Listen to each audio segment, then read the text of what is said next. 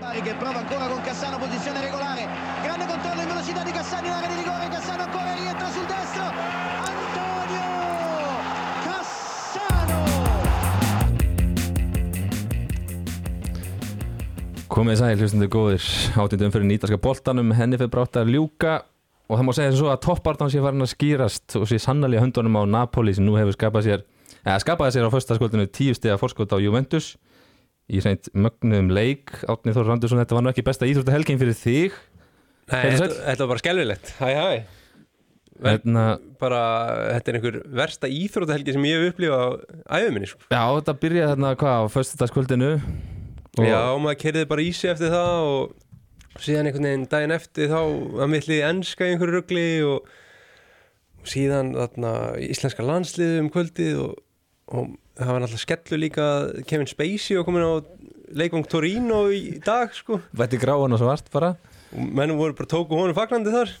Já, við, við tittum upp hérna leik hérna á föstudagsskvöldinu með, neða föstudagsmótninu með, með gumma, hveit fólk því að hérna, hlusta líka bara á gumma. En nú nokkuð tímáli stefni hann að þótt að leikurinn sé búinn. Já, hann mátaði miðan í spánni sko. Hann spáði markaleik. Akkurat, hann spáði markaleik og fór heldur betur þannig sko. Og línu síðan í Danmörku er Björn Már þínir menn voru nú að klára leik við fjórun tína rétt í þessu bara í frábæri stemmingu eins og við verið í allan vetur á Olympíkó Hvað segir þú eftir, eftir hennan 2-0 sigur hjá Róma? Já, það er svona að bæta þessu upp þessa, þessa, helgi sem er ekkit, fór ekkit það fór ekkit rosalega, rosalega vel í gær hérna, með, með handbóltalandsliði en þetta, þetta bættið upp á, á hérna, ljúfu sunnundaskvöldi við, það var bara klassískur morinni og sigur enn og aftur, komast yfir snemma leiks og svo bara halda og svo bara bónus að, vinstri vöndurinn á, á Dybala átti síðan eitt mark inn í, í setniháli líka. Já, nokkulega, betur að hafa þetta uh, nokkuð örugt, þetta er, hefur verið mjög tæft oft á tíðum hjá Róma á þessu tíðumbili, en hérna það hefur nú verið aldrei tíðindi bara hérna svona hér og þar frá því vorum hérna á föstudaginn, uh, Sara Björk Gunnarsdóttir hún er hætt í hérna íslenska landsliðinu, það tekist náttúrulega okkar hætti Já, okkar nú er bara fókusin á Juventus sko, það á að koma sér upp í fyrst sæti þar það er náttúrulega smá læg þar líka hjá kvennaliðinu, Róma er komin eða, komnar fram úr þarna og eru bara í fyrst sætinu. Við spilum um helgina. Það gekk ekki nógu vel hjá Juventus gerði 1-1 jafntefli. Já, uh, á, meðan að Róma rúlaði við Fiorentína þar sem Alessandra Jóhans spilaði spilaði ekki 70 mínútur Björn? Jú, eitthvað svo les Já, og, og Já, stóru tapi.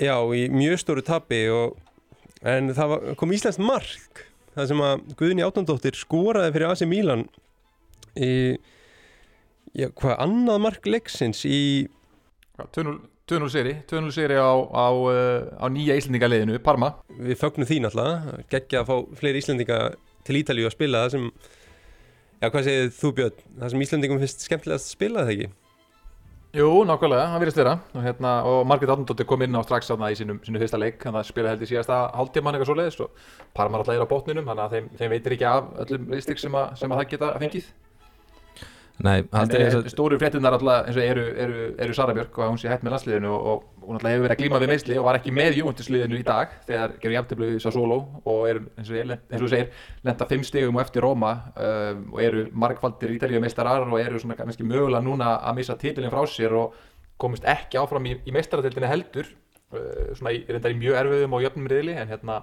þannig að svona smá ekkert og- erfið reyðli sko. Lyon og Arsenal. Þetta var rosalega reyð sko, það voru, og það voru bara einu marki frá því þarna í, í, í lokin sko, og hérna óttalega í fullu höggi við þar en, en bara vonbriði og, og ég held að Sara sé einmitt svolítið að, að fókusa á, á félagslega ferilinn, það er náttúrulega uh, já, bú- búin að vera mikið meitt og, og út af þessum meðslum þá hefur hún kannski heldur ekki náða að bara komast í svona topp top stand heldur eins og, eins og maður þekkir hana. Þannig að hún og hann að hún er kannski þess að meira fókusera á, á, á, hérna, á ferilinn, að hérna félagslega ferilinn og það eru kannski líka ef maður hugsaður um það, uh, peningarnir líka. Hann á kannski allan einum samningi í viðbót síðan uh, eftir júndur samningi, ég veit svo mikið nákvæmlega hvað hann er, hvað hann er langur en hérna, hann að ég, ég, svona sem að skilur það en, en auðvitað svekkjandi og hún er reynst íslenska landsliðurinn og auðvitað frábælega gegnum árin. Heldur betur. Já, klára kannski umræðunar um, um konunnar, það, þá spilaði Anna Björk líka í 4-0 sigri á Sampdoria með endeliðinu Það er nóg að Íslandingum hana Já, þetta er bara í nánast hverju einasta liði. Heldur betur. Það er mjög skemmtilegt. Heldur betur, Herði, ég hérna, hef síðan aðeins verið að glugga í, í gasetuna undarfari og það er bleikið alveg sjóðandi heitt náttúrulega svona aðeins bara að renna í gegnum svona það helsta slúður í boltarum uh, það er nú svo sem ekki mikið. Ekki, það, er ekki, það er ekki stór nöfnana en hérna svona það sem ég rak hvað helst augun í er það Björn að menn er eitthvað að tala um það að Róma kannski nýti tækifæri sem er núna og, og, og láti Sanjólo, Nikolo Sanjólo mögulega fara á því, á því verði sem að hann er falið fyrir eins og staðan er í dag. Já, það hafa verið samlinga verið við hann frekar lengi eða svona eh, vita því að menn vil, vildu endur endur nýja við hann en svo hefur hann bara ekki verið að spila vel og, og svona kannski hvorugur aðilinn eitthvað voðalegan áhuga á því að, að, að endur nýja eins og staðan er núna og hann hefur bara ekki verið er að spila ágætlega en ekki verið að skora neitt og hann bara því miður hefur ekki náð sér aftur einhvern veginn að strik eftir þessi, þessi meðsli sko og, og það er ekki kannski að sjá að þessi, þessi tvö korspöldarslit hafi eitthvað fengið á hann líkamlega en bara andlega virðist eitthvað að vera bara ekki eins og það var áður að, að mínum mati. Og hérna því hann er ennþá með hraða og kraft en, en það er bara eitthvað sjálfströst og hann er eh, æstur einhvern veginn alltaf og auðvitað að missa hausinn og, og í, í byggarnum í vikunni þá, þá voru stuðnisminn Róma nokkrir, eh, ekki allir en nokkrir farnir að pú á hann með þess að sem hann voru inni og tók ekki vel í. Þannig að hann geti verið að þeir eh, exiti, hann, hann exiti núna í, í janúar og þá er Tottenham nefnt held ég, eða ekki? Jú, það, er talað um Vestam og Tottenham í þessu samvikið og svo náttúrulega talað um liðin á önnu lið á Ítalju líka það er svona, eins og það er núna Róma í sjöundasæti, þetta er nú ekki kannski það eru stærri liðar núti fyrir hann á Ítalíu líka. En, en maður, ég myndi, þetta er góða punktur hjá þér. Það er spurning hvort að þú veist að það svona, vera frá leikunum í eitt ár koma aftur í eitthvað eitt leik og, og vera þá síðan svona samtals frá í í tvö ár, þú veist, á þessu topp leveli það lítur mögulega bara, það ferur bara með hausinu það líka. Já, algjörlega, og svo, þú veist, svo er hann ekki greiðu gerður heldur, sko, hann, þú veist, það er ekki oft sem ég nefni þetta með leikmenn en það er sparka mikið í hann og hann, hann fara að finna fyrir því einhvern veginn og litla vörn að fá finnst mér frá, frá dómurum. Og hann er, svo, hann er svo mikil skrokkur veist, hann er svo hávaksinn, sterkur og fljótur. Þannig að einhvern veginn menn komast upp með að tóka í hann og, og sparka í hann reglulega og það er mjög sjálf það sem hann fær svona dóma með sér og, það, og þá einhvern veginn er hausin strax farin þannig að það er svona, já, það þarf kannski eitthvað svona nýtt, nýtt kickstart og bara vonandi að við fáum að sjá hann einhvern veginn eins og hann var en, en það er kannski ekkit sem að bendir til þess eins og staðin núna Nei, uh, það er nú eitt leikmaður sem hefur síðan verið, sem er nú bara að spila á sama heimavalli hérna, og hefur orðað við Juventus, Milinkovic Savic hann virðist ekki alltaf endur nýja við lið næsta sömar eða þar næsta sömar fyrir ekki og eh, er svona hálfparti búin að gefa það út að hérna, hann mun ekki endur nýja samlingin þannig að þá fara sögur og flug hvort hann fari núna bara í janúar eða líklegast á, bara í sömar Já, hann hefur náttúrulega verið orðaðið við Juventus svona síðustu ár og, en það er einhvern veginn aðeins kannski farið að kóluna þar. Ég held að fókusin sé að endur sem við Rabió Já.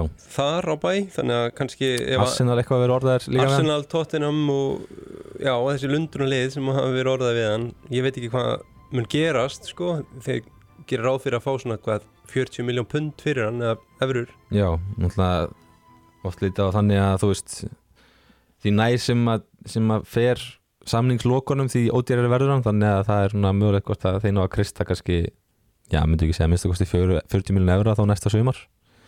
Uh, að öðru leiti er svona ekki mikið hann að Nico Gonzáles uppáhaldsleikmaður minn sem hefur enga veginn fundið fætunum á þessu tímubili, hann er á leginn til Lester að hann hafi spilað í kvöld út í Róma.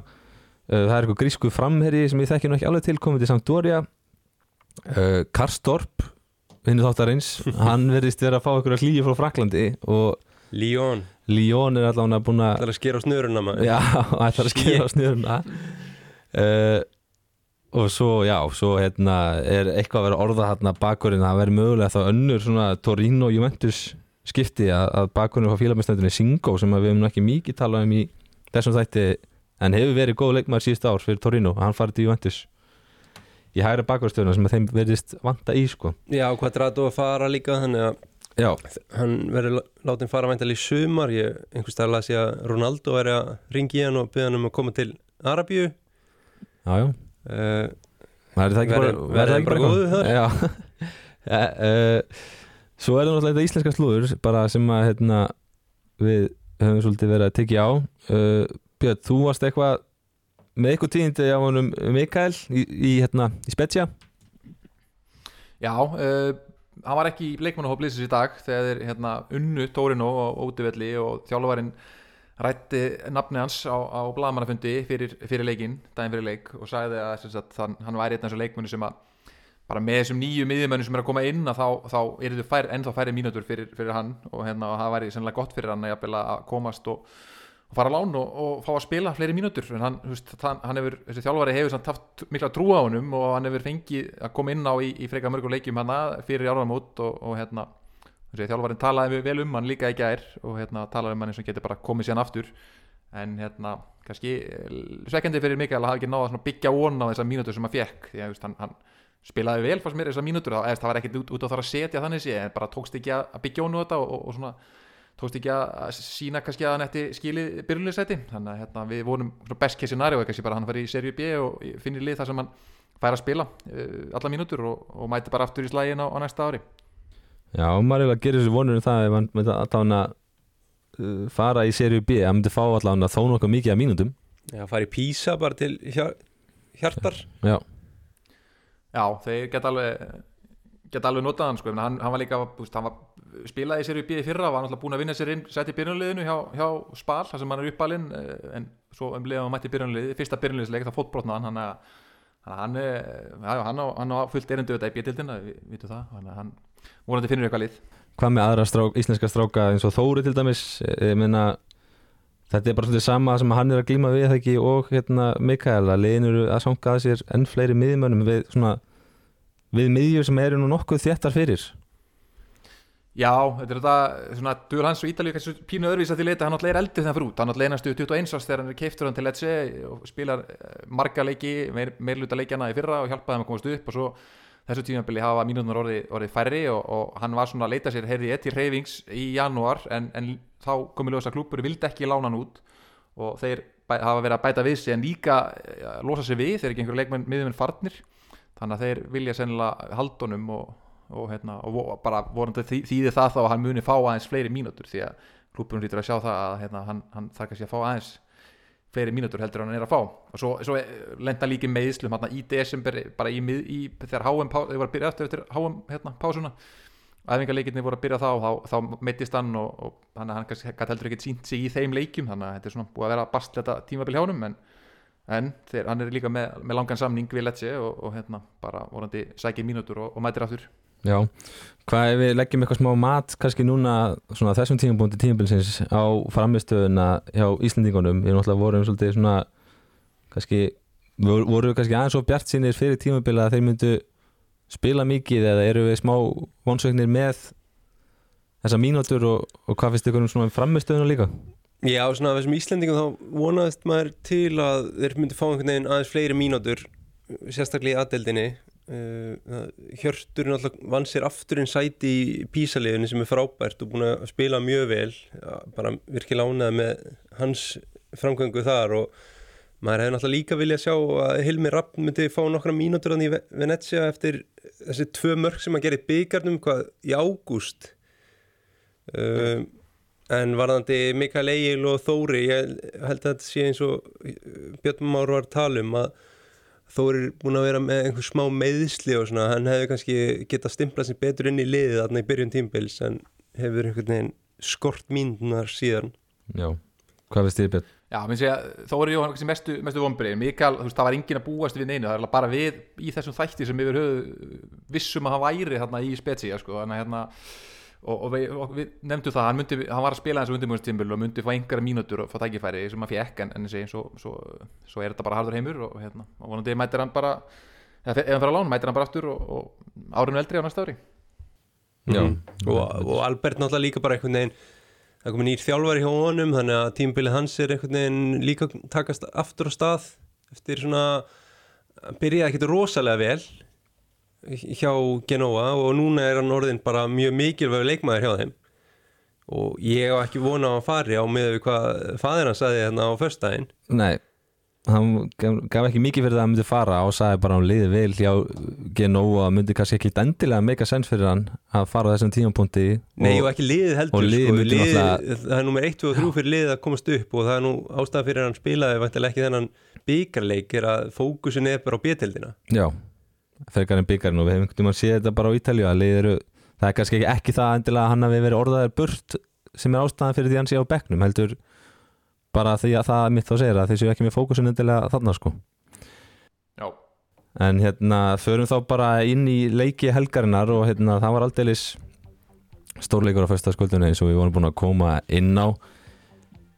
1-1 spáði Átnum Þór Rándursson og fyrstas mótninum og svo bara ringdi inn mörgum á Juventus liðið þarna og, og bylið eikst ennþá frekar og, og þetta var þetta heldur stórt 5-1 átni og bara yfirspilun hjá þessu Napoli liði í þessum toppslag.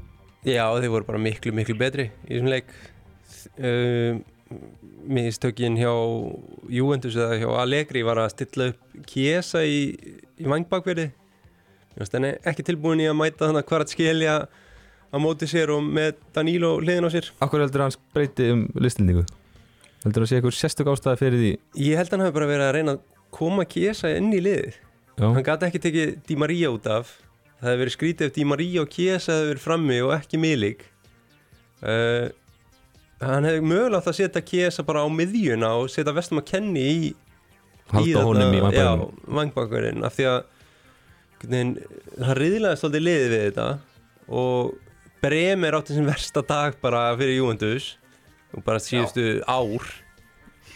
Og, og, og það má bara ekkert gerast á móti liðið eins og Napoli.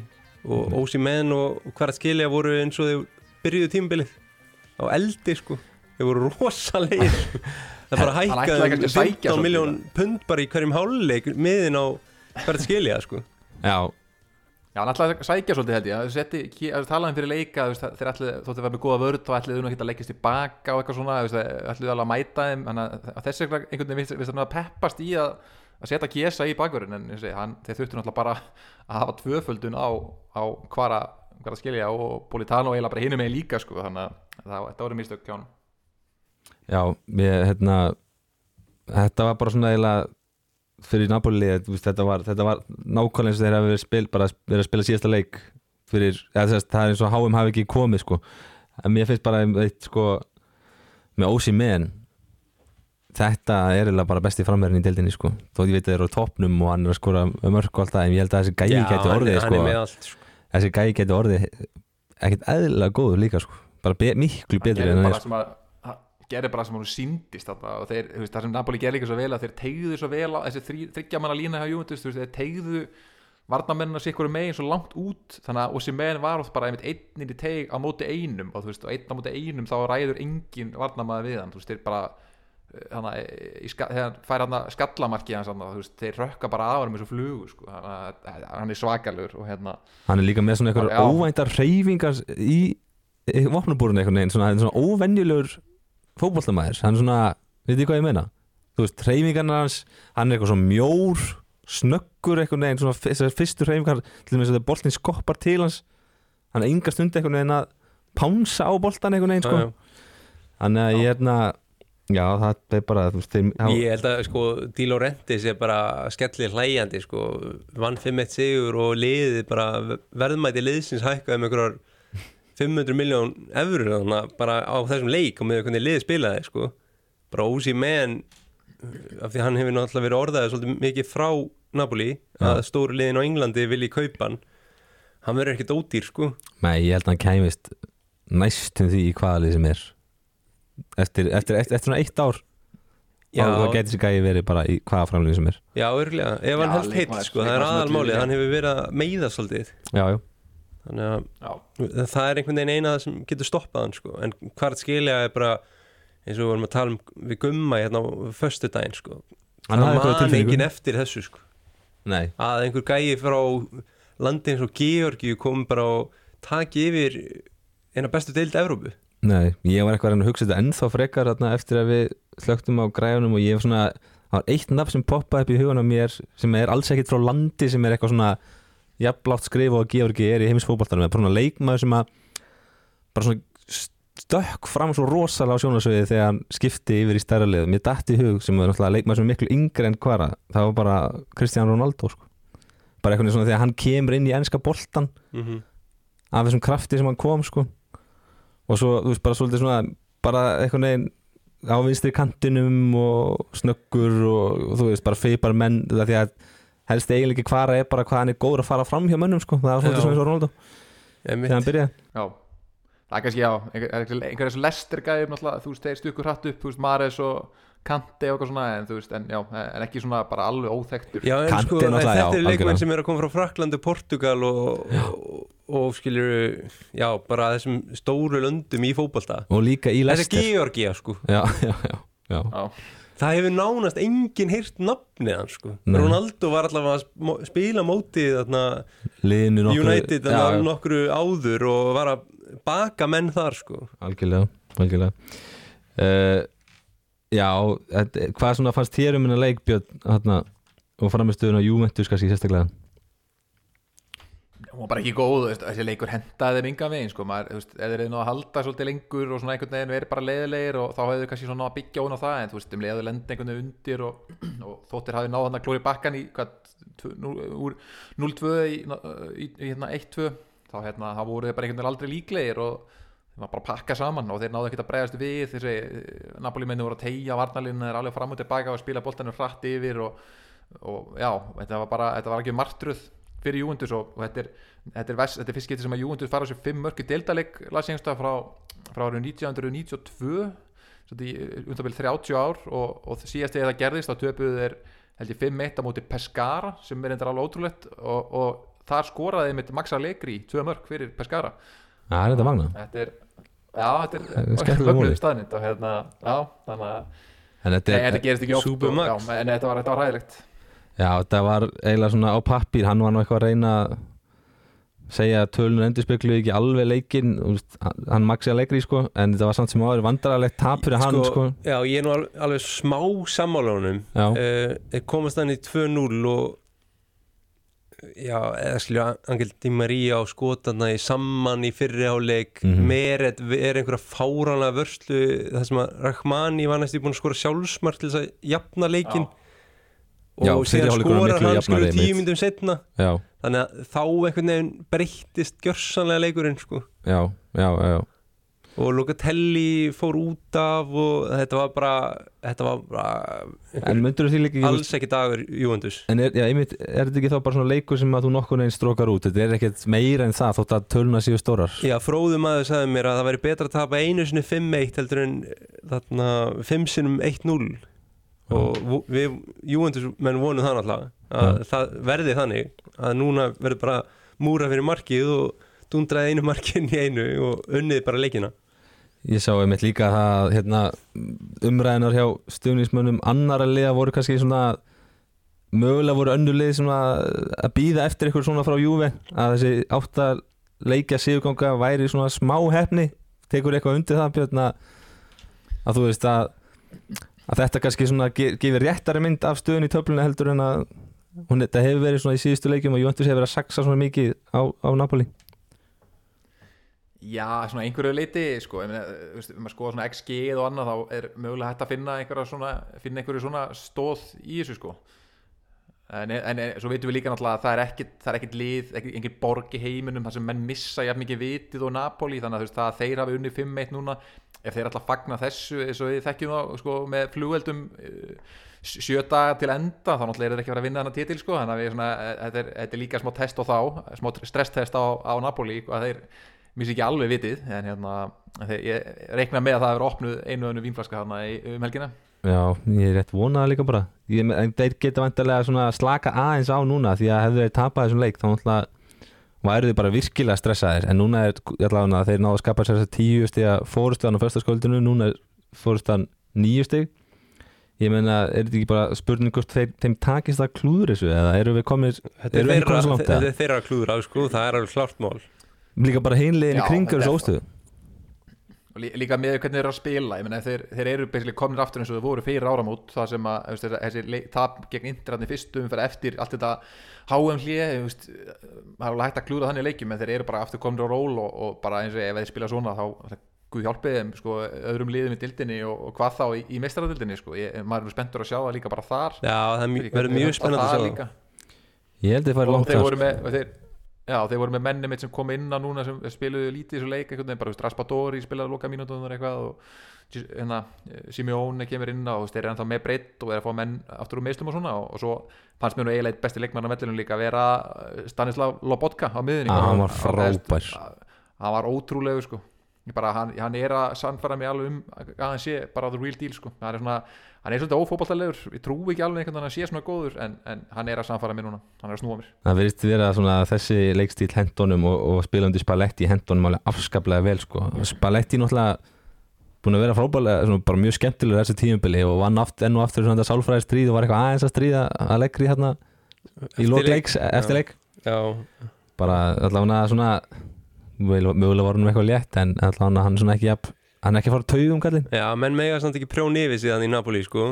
Þetta var bara, þetta voru bara þrjú eru stig sko. eru komin í íslenska mentality eða? Já, ég, sko, þetta er smá Þetta var kannski svona Já, ef, ef að Napoli klúðunar þessu tímabili upp úr þessu þá er það smá eins og Ísland tapaði hérna fyrir Ungverjalandi sko, eftir að hafa spilað einhvern veginn fáránlega vel í einhverja 45 mínútur að missa úr höndunum sér. Það er bara þeim að kenna þá.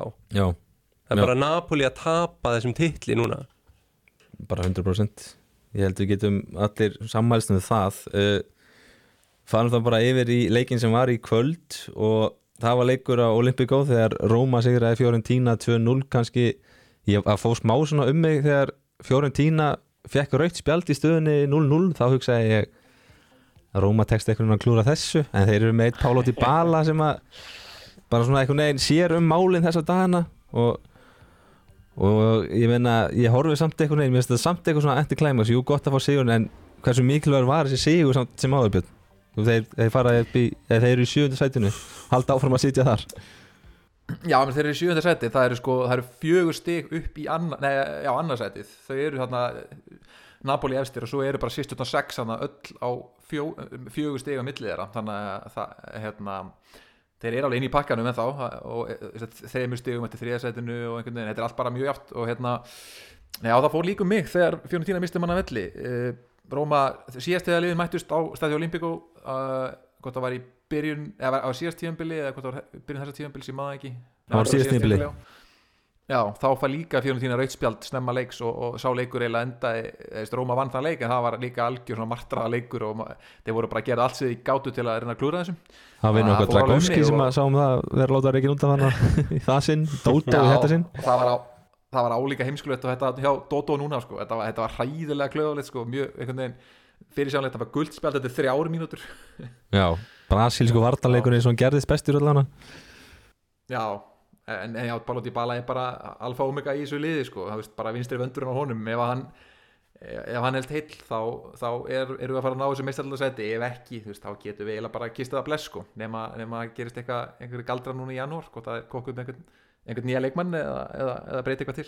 Já, talandi um það ef við missa, missa meistarlega sæti uh, það er komin allan einhver orðurum á, á flug með að Mourinho sé eitthvað ósáttur í stjóra sætinu og hérna það snýra því að, að já, allan að, sko það snýra því að hann til þess að ekki geta unni með þennan leikmannahóp en samt er hann ánægð með sko stjórnina.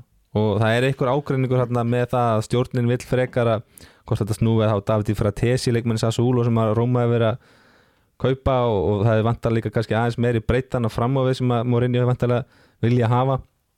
Uh, þú veist það, það hefur leitt til þess að Mourinho þurft að spila svona aðeins strákum úr, úr hérna úlingaliðin og, og spurningur þetta svona sannið það að, Mourinho er ekkit sérstaklega mikið fyrir það?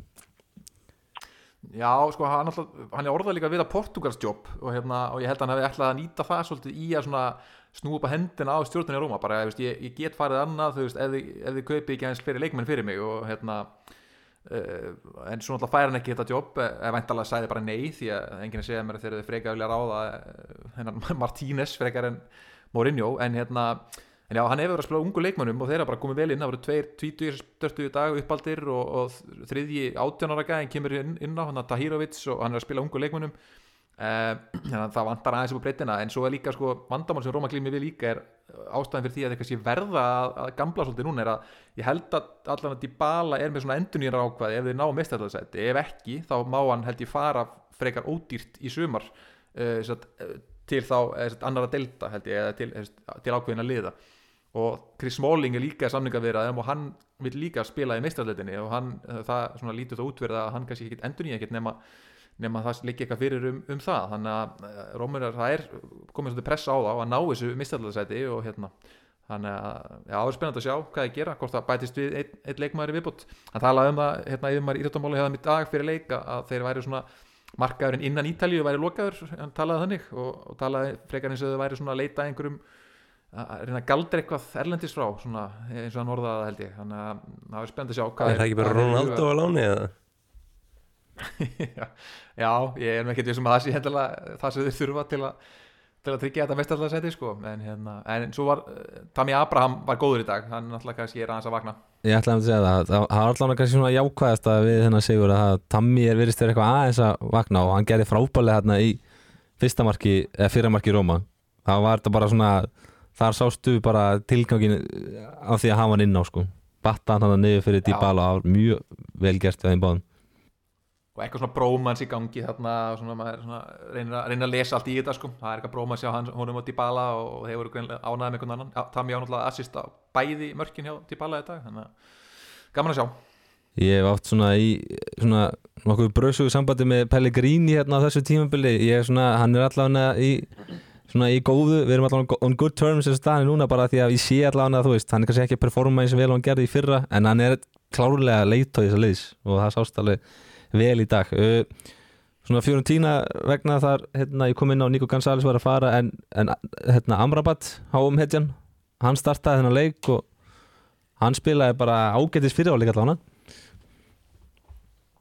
Já, hann er hérna, fyrsti leikurinn sem hann startar þetta er bara eftir, eftir hámbásuna, hann var eitthvað þreyttur náttúrulega eftir alla þessa, alla, allt þetta álag. Og já, já, ég veit ekki hvort það líki fyrir einhver tilbúð það var ekki einhver frétt í vikunum að hann vildi helst fara til Alltík og Madrid af öllum liðum. Þannig að hérna, já, hann gæti farið. Gæti það ekki gerst? ef, ef De Paul fari þaðan og hann fari í staðin þeir hafa ekki verið ánægð með hann hann sko. en, en það er spurning hvað Fiorentina gerir sko, þeir, þeir eru að náu nú ekki í Európusæti held ég nema að vinni byggarinn eða, eða bara Conference League, þeir eru komin áfram þar og, hérna, og eru með alveg eru að undirperforma svolítið með hvað þeir eru fyrst mér með ágættis leikmannahóp. Þannig að þeir gætu kannski bara að setja allt púður í, í hérna Conference League og, og ætla, sér að fara langt þanga, það verður nú mjög skemmtilegt að sjá sjá einhver hérna önnur ítörskli heldur en Róma fara langt í Európu Já, ekki, ekki neina spurning hérna, að því að ég held að það sé svona þeir, þeir ætti að vera þeirra helst í fókus. Þeir sitja í tíundarsæti og eru langt frá sem pakka þarna sem að það sem Róma er í sjöndarsæti út fyrir, eða sem fyrir utan Európa-sæti þannig að hérna, það verður vantilega allt lagt í, í hérna þessa blessu Conference League sem að Róma vann í fyrra. Eru, höldum að þessu áfram þá og förum að þessu yfir í hérna nokkuð óvænt úslit sem að voru um helgina.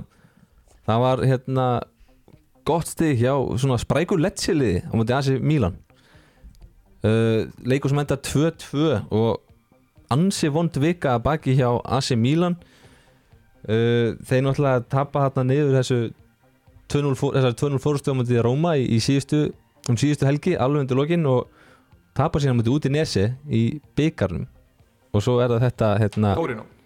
Torino fyrir ekki já, Torino segi og svo er það hérna, þessi leikur mútið Lecce sem ætti nú að vera nokkuð svona gefin sigur því að AC Milan hefur verið, bara hafa verið nokkuð góður á útífelli en mér fannst bara að það sem ég sá á þessum leik þá var sem er Lecce lið bara það kom mér svolítið óvart sko. Það voru allir einhvern veginn með trú og gáttu hlaupi fyrir einhvern annan og Marco Baroni þjálfari liðsins hefur greinlega svona Já, komist yfir náttúrulega snemma leiks með sjálfsmarki til Hernandez þannig að kannski Já.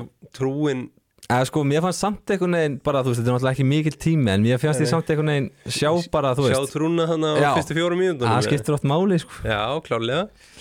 En hérna, og, og ég líka þótt að kannski markmaðurinn hjá AC Milan sé búin að vera allt í læð þá finnst mér samt og sérstaklega að þeir eru ekki búin að ná sér bara í alvöru varamarkmann Já, þeir eru orðaði nú við einhvern nýjan núna, einhvern frá Fraklandi held ég, en hérna en já, þeir, þeir þurfa bara nöðsynlega á því að halda sko. ég skil ekki okkur, þetta er, þetta er ekki lungu búinir að því. Ég lætt séð náttúrulega bara þá í samt ágættis málum þú veist, þeir eru í 13. sæti með 20 stig ég svona horfi á hópin hjá þeim og svo liðanum í kring. Já, þeir eru bara búin að vera að spila frábælega síðustu einhverja sex leiki. Ég segi það, já. Þeir eru með hvað, þrjú jafntefli og þrjá sigra í síðustu sex leikjum. Og þú veist, þetta eru ekki þetta er ekki, þú veist, það er alltaf búið komin mjög svona góður stöðuleiki hérna aftast og maður sá það alveg að það er kannski ástæðan okkur liðið er komið með smá trú að þeir svona leifa sér að fara aðeins fram og pressa meira, það er meiri orku liðina því að það er kannski aðeins meiri trú á hafsendaparnu sem þeir eru með, Samuel Umtiti og Baski Rotto, þeir voru með hérna Pongrasic frá hérna sem kom frá Wolfsburg sem var mjög mistækur og, og liðið satt stundum aftar þeir voru allavega, þeir fóru mjög framalega í þessum leik, sérstaklega í fyrirleik og, og hérna, ef maður horfður svona á að, hérna, leikmannhópin hjá þeim að þetta eru nú ekki stærsti spilararnir versus liðin hérna sem eru fyrir neðan þá emitt er þetta bara eitt mest overperforming lið í deildinni sko. Já, bara um Títi komin í gang. Hann Og er einhvern veginn hérna eh, eftir að hann kom á- inn í liði þá hafa það spila bara miklu, miklu betur sko. og algjörlega, Baski Róttu þannig liðin á hann Baski Rotto byrjar að setja hann. Og, Já, og ég er hrifin af sko framlínunni þeirra Strefetsa og Cisei og Colombo og, Eh, Colombo, Strefe- Strefetsa og, og hann Di Francesco Já, Di Francesco, já, já. skemmtilegur einhvern veginn já, uh, og líka Sissei sem byrjaði svona tímbilið að krafti já, er þetta ekki þetta er sonur hans Eusebio eða ekki eða hvað? Di Francesco, jú, jú, þetta er hann að kantmaðurinn, búin að spila mörg tímabili serju A í, í alltaf í liða hverju og, ári já, já, sem sagt sonur jú, Já. hérna. Fyrir um Eusebio Di Róma. Já, já, sem er núna orðaður aftur við að koma í, í deildina, kannski koma því, því síðar en, já, en já, spræk framlýna og Streff, við stila svona Colombo, alltaf búin að vera góður, var ekki samt góður í þessum leik, en Streffetsa líka, bara það er eitthvað við hann sko, hann, hann er alltaf hættulegur þegar hann fæði boltan einhvern veginn og réttar ákvarðanir og hann er hann er hérna, hann er fyrirliði liðsins sem svona trikki, lítill trikki einsinja típa ykkur Já, það er svolítið svona spes hérna, leikmannatýpa að vera fyrirlið og ég, veist, ég er gaman að því sko. er greinlega, þetta er alvöru, alvöru gæði greinlega heldur betur, hvað hérna myndum við svona hvað getum við sagt með AC Milan lið sem að svona hefur verið óstögt eins og liðin hann í kring? Það finnst mér sem vera svona því helsta fréttin líka frá þessari helgi og þessari, þessu rístarti á tímbulinu að, að það eru ekki mörg lið sem eru stöðu og, og liðunum sem að liðin sem að hafa verið að gera allu að toppinum þau eru að vera færri með hverri leikvikunni? Já, kannski, já, það kannski vanta bara smá það kannski aðeins verið að svona uh, búið, að, að lesa þetta AC Milan lið, þú veist, við töluðum um það þegar þeir fóru á þetta skrið fyrir tveimur árum og það einhvern veginn eru óstöðvandi en það skildi enginn af einhvern veginn hvernig þeir fóru að því. Þeir, það voru þetta með Slatan fremstan og þetta var svolítið svona stórir, sterkir leikmenn og, en bara mikill karakter, nú er einhvern veginn svona aðeins bara kannski fjara undan eh, menn svona aðeins að missa trú á þessu eða að fá leið á þessu eða kannski vantar eitthvað svona einhverja innspýtingu og þeir bara er ekki að fá hana. Um, veist, þessi nýju leikmenn hafa ekki slegið í gegn og, og hérna, já, vantar eitthvað eitthvað krydd í þetta, þetta er alveg svolítið kannski svolítið, já, fast og fast fyrir og leðilegt þeir montaði náttúrulega líka þeirra næst besta mann í gegn Letsi Tónali var ekki með. Hann var í banni á þannig að það Já. munar um minna heldur betur, ég er alveg sammálega sem þú segir líka með sko þetta krydd og það átt, átti að vera klárlega belgin ungi sem að hérna, fekk ekki spila í þessum leik en var bara þú veist það sem að bætti við þetta meistara, meistara og, mm og en ég er samt sko það sem að svona þetta er náttúrulega slæm vika en ég hef samt einhvern veginn ekki það mikla áhyggjur af þessu lið og hvorki þjálfarinn ég bara öllu í kringum lið og leikmunum minn á vellinum sko. Ég held er náalveg að rífa sig hans í gang þótt að þetta hljóti bara að vera eitthvað svona smá lágpunktur á tímbilinu og bara eins og með Ketil Ari líka þú veist að þeir skáttu hann það vel og það er einhvern veginn hlutin eru það vel reknir hann að þú veist þeir eru aldrei að fara að gefa bátinn upp á honum einhvern veginn þótt að hann sé ekki að standa sig eftir þetta fyrsta tímbil ég held að þeir ná einhvern veginn svona að trekja hann í gang hvort sem að sé á þessu tímbil eða, eða næsta sko. Já, jú, jú, ég held ég er sammála ég held þess að hann var örgulega hugsaði meira fyrir næsta tímabil og hann örgulega bara mikið í liftinga, liftingasalum og svona þetta tímabil og, og að læra sko, en hérna en já, þeir voru líka með svona sterkustu varnalínu eða, það var Tomori og Kalulu í vörnunni og Calabria og Hernandez og, og svona, en þetta var svona já, ólíkt AC Milan, en hérna. Sjálf sér Já, mistök hjá þeir- Kalulu alltaf í fyrsta markinu. Já, með mitt lélegasti maður vallarins, alveg held ég með fullir það. Já, nákvæmlega. Uh, förum þá kannski þá bara yfir í liðið þarna sem að spilar á samanvelli í bláu og svörtu Inter Milan þeir kreista fram sigur þá Lóthvar Martíni sem, að, sem vann botlið við Róna uh, það er nú lítið af fréttum í tengslu við þennan leik en mér langar bara svona aðeins að spurja ykkur út af fréttum annar staða frá frá Spáni og kannski í ljósi stöðu indeliðsins og það er alltaf þetta tal með þjálfaran, mannin í brunni uh, nú er Dími komið Simóni allavega lausallar mála eftir þetta tímabil og hann hefur sjálfur gefið það út að hann vilja þjálfa Inter Milan uh, eru við svona á leginu þanga að Dími Simóni verið næsti þjálfar Inter Milan og, og, og takk við þeim? Það er áhugaður pæling sko. Ég, ég haf ekki, ekki heyrt hennan, hennan orðróm en hérna eina sem, fyrst sem þetta er í hug sem að mæli gegn því eru þetta bara launapakkin hjá Diego Simeone, er hann ekki búin að vera bara launaðast í þjálfæri heims nánast eh, hérna undanfærin ár? Og, og hjá Inter verður hann það held ég ekki þeir hafa verið í smá, smá fjárhagsvandræðum og, og Simone Inzaghi held ég að sé á afskaplega lágum launum jafnvel með að við sko hérna stóru þjálfarna í deildinni. Já, ég held að Það við er sko verið að um ég held að meira sér verið að tala um það sko að hann myndi taka á sig alveg bara mikla launalækkum við að taka við Inter sko. Hann verður að gera það ef hann ætlar að gera það sko. Já, þannig að það er grein allavega umræðan líka sko. fæ sérfræðinga skattaafsláttingar eins og Conte eða eitthvað hefur ekki búið þarna hvað er ekki tíu ár síðan hann hætti að þjálfa Catania eða hvað sem hann var að þjálfa hann að síðast hjá það Ítalíu. Þannig að- Jú, jú. En ég meina hann var frá, frábær þjálfari fyrir Inter sko og og klálega uppgritt frá, frá uh, Simone Inzaghi þótt hann hafa nú oft svona tínt myndi hann að henda þessu mynd, myndi þú veist eins og við hefum séð bara eftir að Conte fór hvað hann, hvað hann small vel við þetta lið þú veist myndi það bara myndi það ekki henda liðinu líka bara vel leikmennum sem er í liðinu að fá bara varna sinna þjálfar aftur? Jú, Jú, og svona, létt, bara- svona klikkaðan sko. Já. Ég held að það hjálpi Interliðinu að hafa hann svona vel trilltan eins og kanti er sko. Uh, og liðin alltaf bara þetta er svolítið svona að mér finnst þetta svolítið svona þungt og mikið lið sko sem að hefur, já, spilar reyndar ágætlega á þessu tímbili undir einn saki finnst mér. Uh, en já, það verður gaman Stórir, að fá hann í varnarmenn. sérstaklega sko bara sem karakter Stóri sterkir sko. varnamenn eins og Atletico Madrid. Það er svona það er sem fyrsta sem maður líkindin allan sem maður sér og svo svona kannski meira léttlingandi miðjumenn og sprækir menn fram á við en hann getur alveg vunnið með hennan efni við sko, það er alveg, það er alveg ljóst.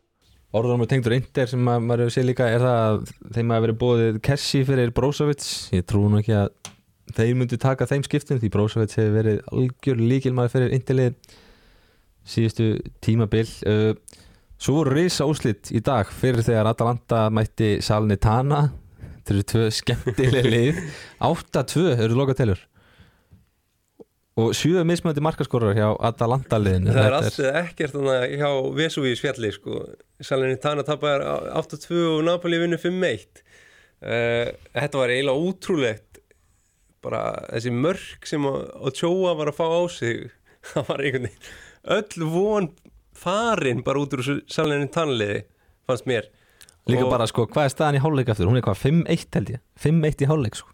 Já, en hann ver samt víti og eitthvað þannig að þe- þetta var bara Fazio var í algjöru vesinni í vörninni og, og við hefum náttúrulega séð þetta að landalið, það getur verið drullu skemmtilegt. Og það var einhvern veginn allt inni þeir voru bara að taka skot fyrir utan bara einhvern svona skot sem er taka æfingu og það fyrir bara í vingilinu inn sko.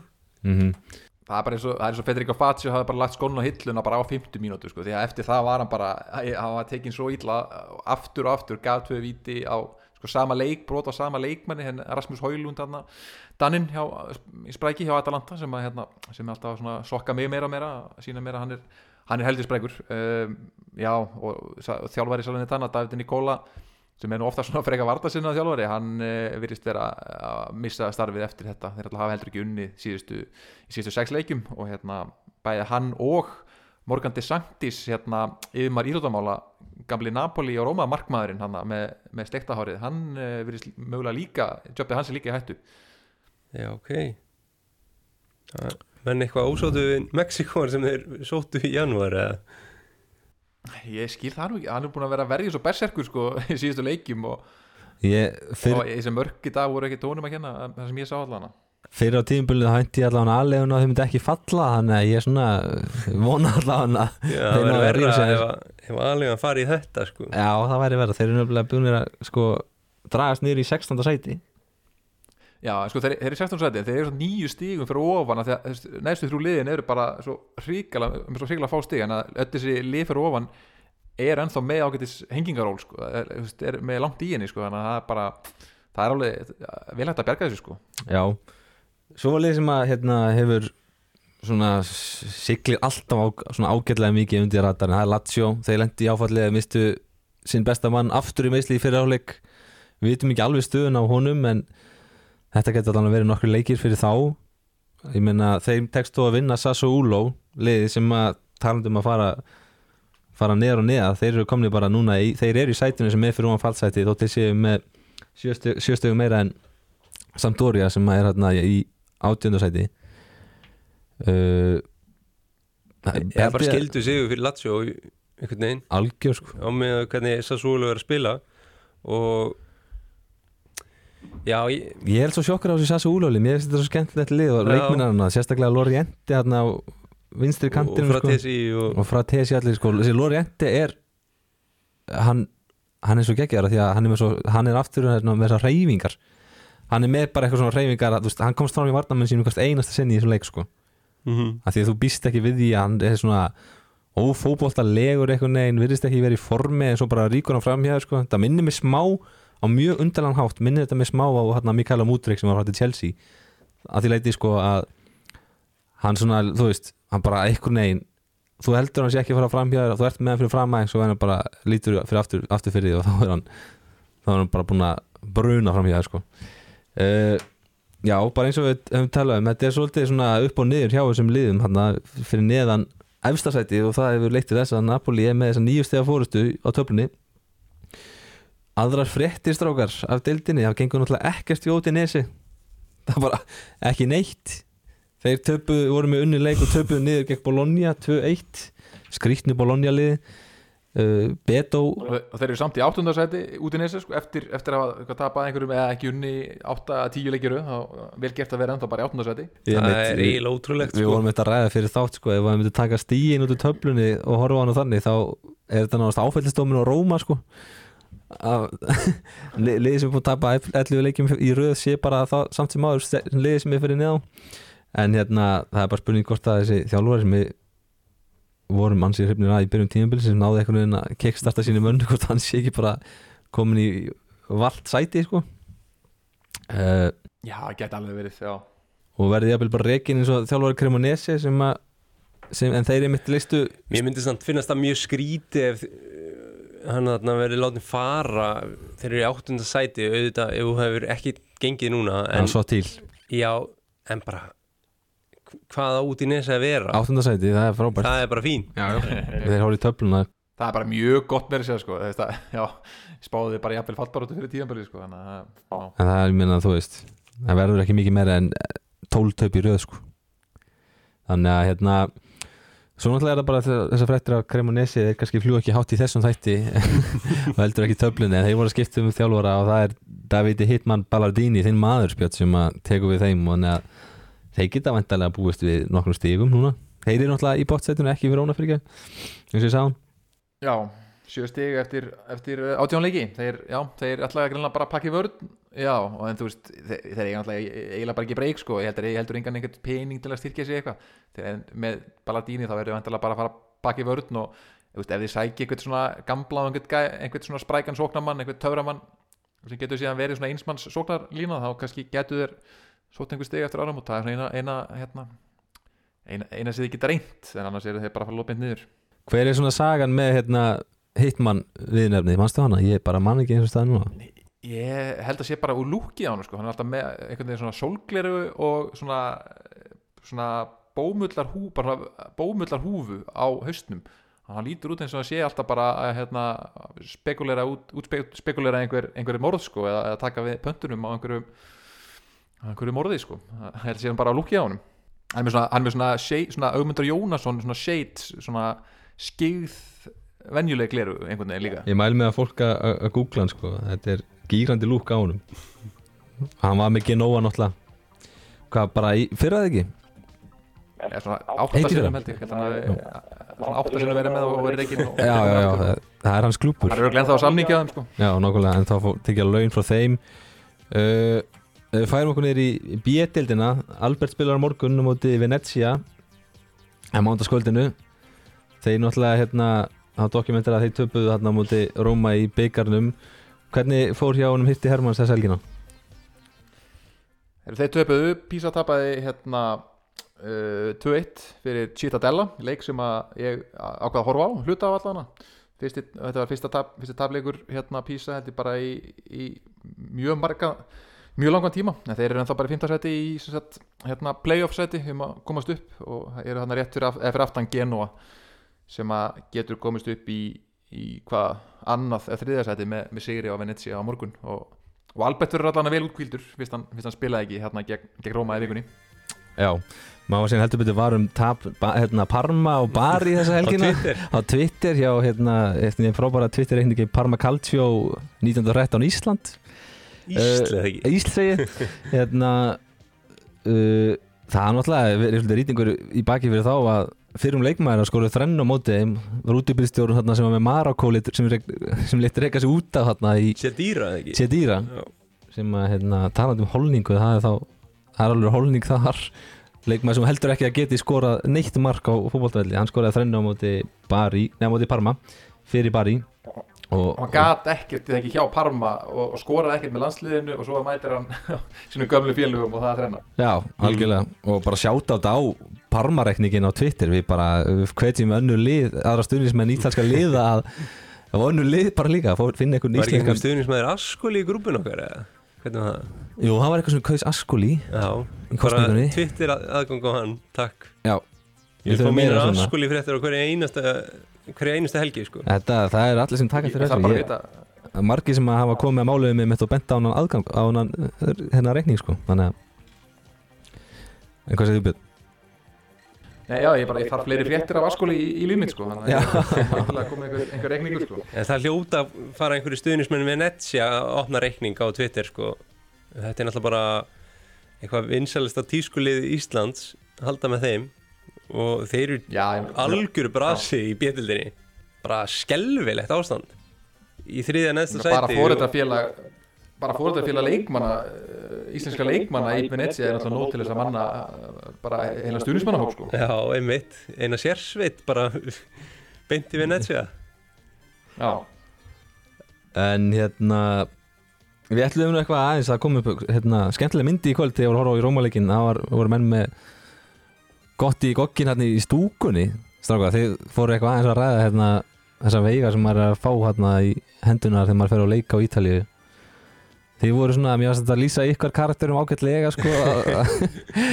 Björn, þú varst í bara hérna mozzarella og, og pesto eða hvað sem það var og Otni, þú varst bara í ykkur kramdri pulsu sko, þarna. sko margir halda að fólk borði bara pítsur á leikjum á Ítalíu sko. Það er bara ekki staðrendin sko. Þetta er ekki eins og Íslandi. Þetta er bara það er allt út í svona panini stöndum einhverjum sem við selja bara smurðar samlokur fyrir þig. Og þegar maður lappar að velli þá er alltaf fáránlega mikill reykur úr þessum sölubásum og ég er náttúrulega bara gýrast vel upp þá.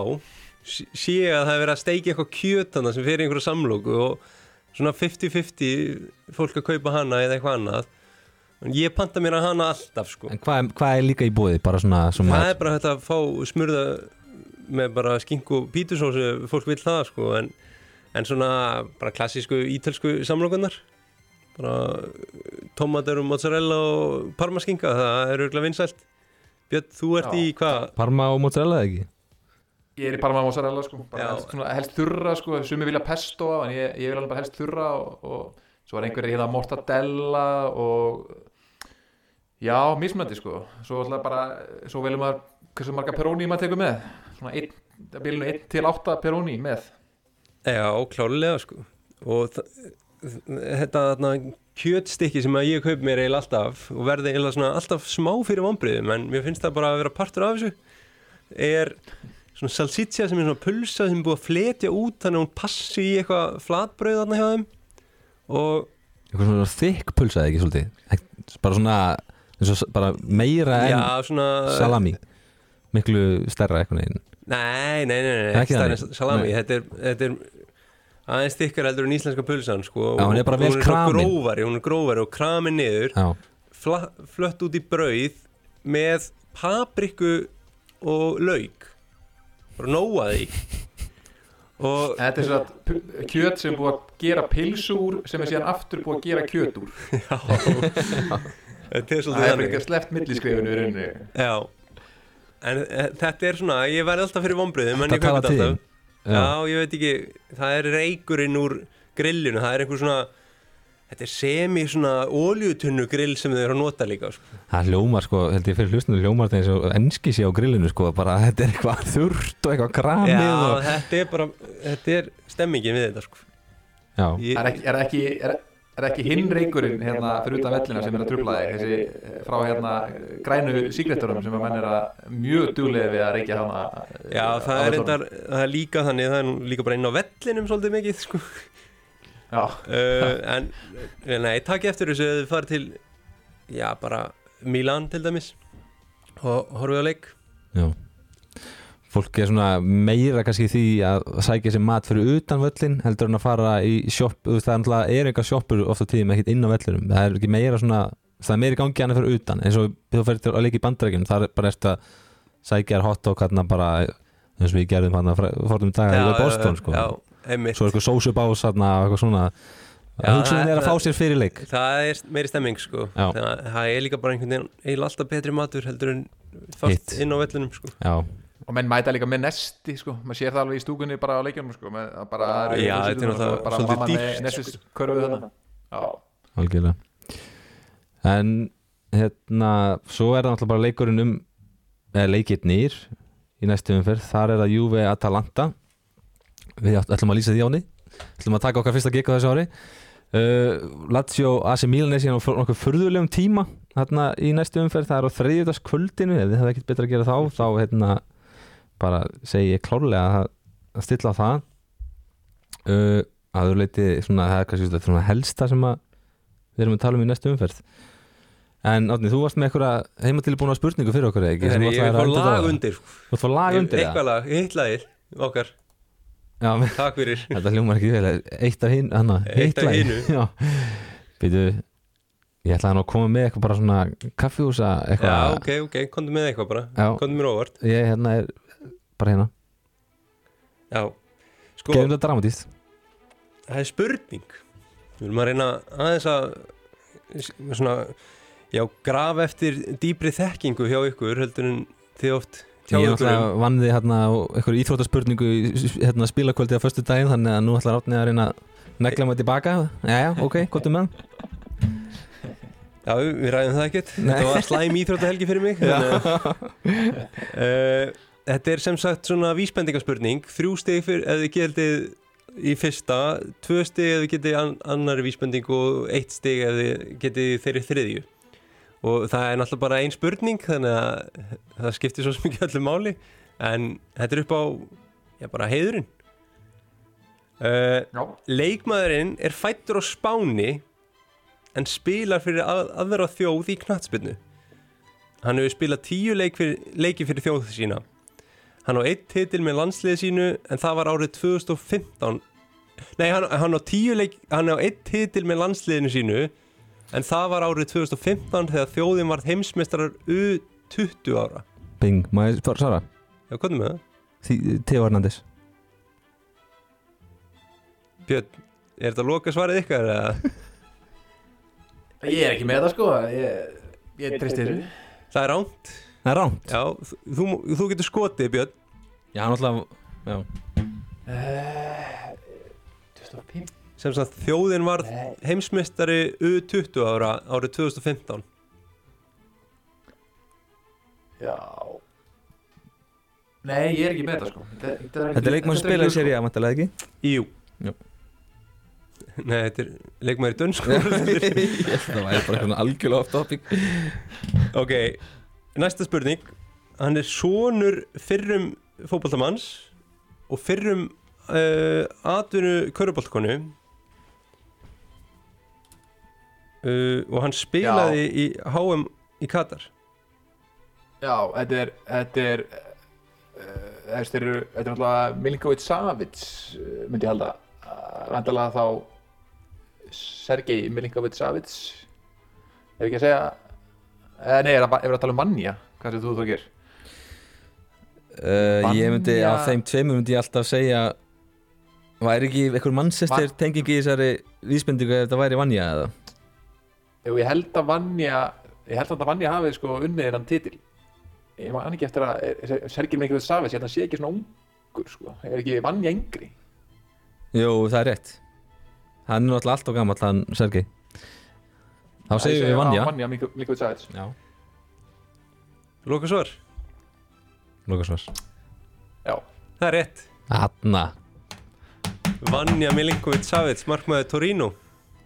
Og síðasta spurning vísbendingin var eitthvað tengt United á eða? Já, ferlinum hefur hann meðal annars spilað fyrir Ascoli, Spal og Leggja Gdansk og fór snemma til Manchester United en fekk ekki atvinnuleifi á Englandi. Hanna hefði það komið Það hefði komið þarna en þess vegna er þetta einstak spurningin. Sko. Já já þetta var, já, þetta var þetta uh, blag, þessi atvinnumennska þarna á fóreldran Já, ég var smá, gaf það upp með kröfubolta kona, sko. Það var svona einhvern veginn, það er smá svona markmannsfílingur yfir því líka, sko. Já, bara fóreldrar og mamman mark, hérna körbólakona og veist, báði leik, leikmenni yfir 1.90 einhvern veginn með geggja bólhandling og þetta er bara alveg íþjótt af fjölskylda sko.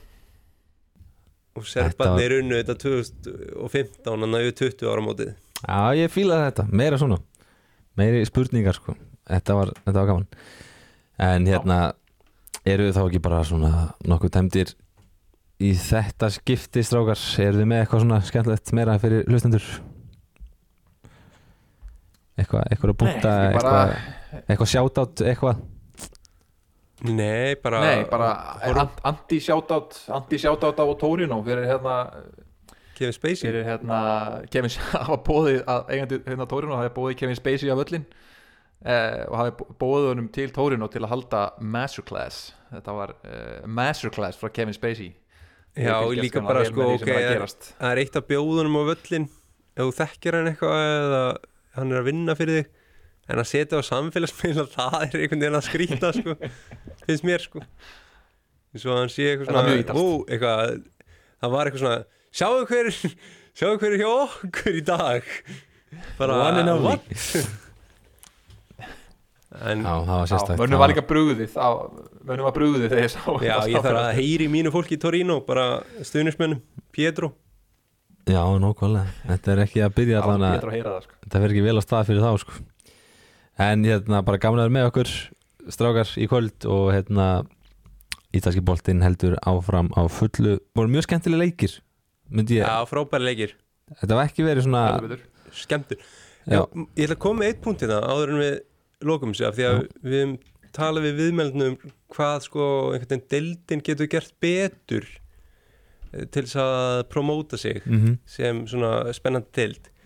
Ég held að það sé svona reyna að hamra á því þessi varnarbolti sem að þessi deild var einhvern veginn fræg fyrir á tímbili og bara ítölsk snattspinna hún er ekki til staðar í dag. Það er alltaf, við erum alltaf að sjá minna það og er minna bara að því. fullt af mörgum sko. Já, Þetta er að verða eins og einhverju handbóltaleikir hérna sko. algjörlega, algjörlega. Og bara tek undir það, það er bara deildin er búin að vera einn svo markaðista í Evrópu, ég held að hún og Þý- Þýska er búin til líkan, sé ég alltaf hann með svona hressustu leikina og flestu mörkin, þannig að hérna, það er algjör mýta að þetta sé bara einhver varnabolti við bara hvetjum ykkur til að stilla inn á leikina um næst, í næstu umferð og hérna heyrum síðan bara eftir hana, verið í sæl